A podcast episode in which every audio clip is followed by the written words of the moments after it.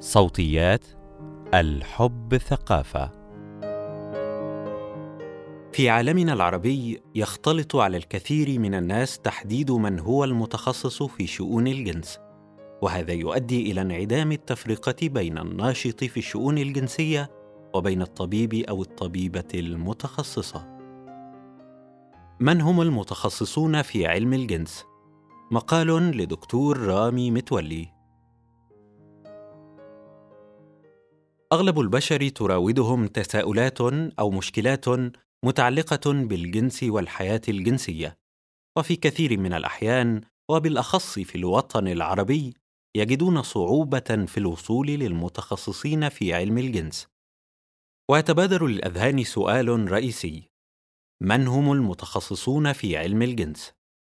ينقسم التخصص في علم الجنس إلى نوعين واحد متخصصون في علم الجنس ويشمل ذلك الباحثون والباحثات ومن يقومون بالتثقيف الجنسي والنشطاء ومن يعملون على تغيير السياسات العامة المتعلقة بالجنس والحقوق الجنسية. اثنان المعالجون الجنسيون. وهؤلاء هم من يقدمون خدمات الفحص والعلاج والجلسات العلاجية والتشخيصية وتشمل هذه المجموعة مقدمي الخدمات من أطباء وأخصائيين نفسيين وتمريض. هل يمكن أن نعتبر كل المتخصصين في علم الجنس معالجين أي قادرين على فحص المرضى وعلاجهم؟ لا فبعض المتخصصين في علم الجنس يحصلون على شهادات علمية تمكنهم من الفحص والتشخيص والعلاج. وسواء كان المعالج طبيبا أو اخصائيا فيجب عليه الحصول على شهادات جامعية وإمضاء ساعات من التدريب والدراسات العليا لكي يتم التصريح له بالكشف والتشخيص ووصف العلاج للمرضى. ما هو الطب الجنسي؟ هو تخصص طبي حديث نسبيا ويشمل تحت مظلته الأطباء الذين يعملون في تخصصات متعلقة بالمشكلات الجنسية مثل طب النساء والتوليد وأمراض الذكورة والمسالك البولية والطب النفسي والغدد الصماء والأمراض الجلدية والتناسلية والممارسة العامة. ما أهم المشكلات التي يعالجها الطب الجنسي؟ واحد مشكلات لدى الرجال مثل ضعف الانتصاب ومشكلات القذف ومشكلات الرغبة الجنسية. اثنان مشكلات لدى النساء مثل مشكلات الرغبة الجنسية والوصول للنشوة. ثلاثة الأمراض المنقولة جنسيا.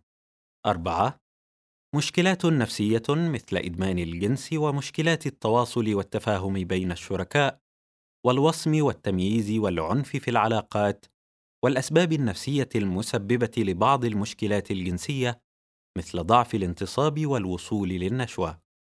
خمسة الاضطرابات الهرمونية. ستة اضطرابات الهوية الجنسية. سبعة العيوب الخلقية في الأعضاء التناسلية. ثمانية إصابات الأعضاء التناسلية. تسعة آلام الحوض والأعضاء التناسلية والآلام الناتجة عن ممارسة الجنس. عشرة تنظيم الأسرة. مشروعات التوعية والمشورة وخدمات الصحة الإنجابية والجنسية. تعد الصحة الإنجابية والجنسية والحقوق المتعلقة بهما من الأمور المسكوت عنها في الكثير من البلدان حول العالم مما يتسبب في نشأة العديد من القضايا والتحديات المجتمعية المتعلقة بالصحة الإنجابية والجنسية. هنا ظهر وبقوة دور الخبراء من الباحثين والمتخصصين والنشطاء في مجال الصحة الجنسية والإنجابية والذين يلعبون دورا هاما في التوعية والمناصرة وتغيير سياسات الدول لتكون أكثر تماشيا مع الحقوق الجنسية للأفراد. وتعرف منظمة الصحة العالمية الصحة الإنجابية على أنها الوصول إلى حالة من اكتمال السلامة البدنية والنفسية والعقلية والاجتماعية في الأمور ذات العلاقة بوظائف الجهاز التناسلي وعملياته وليس فقط الخلو من الأمراض والإعاقة. وهي تعد جزءا اساسيا من الصحة العامة. وتعكس المستوى الصحي للرجل والمرأة في سن الإنجاب كما تعرف الصحة الجنسية على أنها حالة من الصحة البدنية والعقلية والاجتماعية فيما يتعلق بالجنس. إنها تتطلب اتباع نهج إيجابي يحترم العلاقات الجنسية، فضلاً عن إمكانية الحصول على تجارب جنسية ممتعة وآمنة خالية من الإكراه والتمييز والعنف. ولهذا نشأت العديد من المشروعات في دول العالم والتي يعمل بها خبراء وباحثون ونشطاء في علم الجنس وتقوم بنشر الوعي بين فئات المجتمع حول العديد من قضايا الصحة الإنجابية والجنسية. بعض هذه المشروعات تقدم خدمات للأفراد وبالأخص خدمات المشورة والتثقيف الجنسي وخدمات تنظيم الأسرة والتوعية بالأمراض المنقولة جنسيا وخدمات الدعم النفسي ومناهضة العنف القائم على النوع الاجتماعي. وفي الكثير من الأحيان تعمل هذه المشروعات على ربط المستفيدين بمقدمي الخدمات والمعالجين الجنسيين من أطباء وأخصائيين.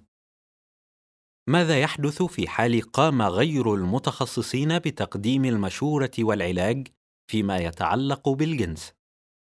في الغالب ستكون هناك معلومات مغلوطة. أو علاجات خاطئة ستؤدي إلى تفاقم المشكلات وتنعكس بالسلب على الحياة الجنسية والعلاقات. كما أن تناول أي أدوية بدون إشراف طبي يعرض الأفراد لمضاعفات وآثار جانبية للدواء كان يمكن تفاديها والتحكم بها في وجود إشراف طبي. لذلك ننصح دائما بالرجوع للمتخصصين سواء في الحصول على المعلومات أو المشوره أو الخدمات أو العلاجات المتعلقة بالجنس لأنهم يقدمون ذلك بناء على أسس علمية ومرجعيات بحثية وطبية صحيحة تهدف إلى حصول الفرد على أفضل نتائج ممكنة من أجل حياة جنسية سعيدة.